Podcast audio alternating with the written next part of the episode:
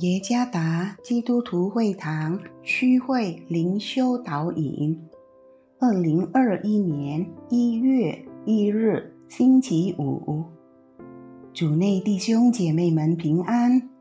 今天的灵修导引，我们要借着圣经路加福音第三章第一到第九节来思想今天的主题。中心地传讲悔改，作者傅国峰牧师。路加福音第三章第一到第九节。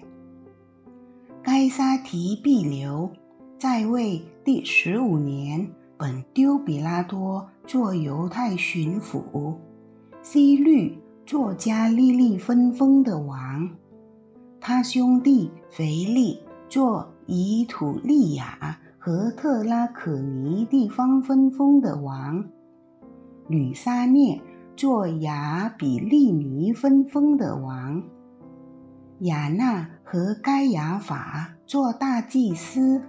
那时，撒加利亚的儿子约翰在旷野里，神的话临到他，他就来到约旦河一带地方。宣讲悔改的洗礼，使罪得赦，正如先知以赛亚书上所记的话说：“在旷野有人声喊着说：‘预备主的道，修直他的路。’一切山洼都要填满，大小山冈都要削平。”弯弯曲曲的地方要改为正直，高高低低的道路要改为平坦。凡有血气的都要见神的救恩。约翰对那出来要受他洗的众人说：“毒蛇的种类，谁指示你们逃避将来的愤怒呢？”你们要结出果子来，与悔改的心相称。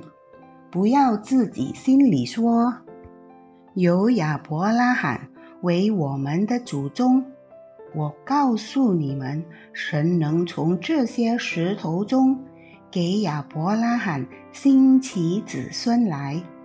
现在斧子已经放在树根上。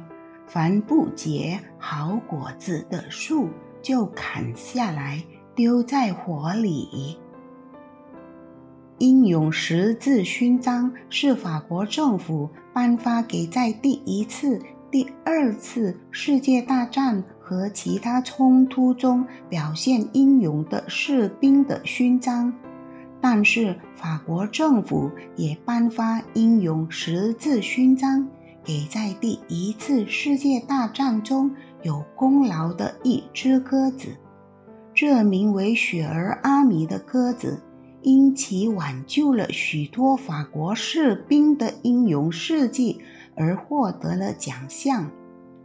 当雪儿阿米飞去传递信息时，他的胸部被枪射中，腿几乎断了。雪儿阿米仍然飞越枪林弹雨，鲜血淋漓，到达了法国军队总部，只为了完成传达信息的任务。圣经中的四福音书证明了施洗约翰向以色列民传讲悔改信息的中心。路加提到。约翰在约旦河周围地区，而马太提到在犹太旷野的服饰行程。参看马太福音第三章第一节。施洗约翰在那同时代人心中的服饰表征是施洗，而施洗的特别标志是带来赦罪的悔改。当以色列人来约翰面前领受洗礼时，他们声称已经从他们的罪过中悔改。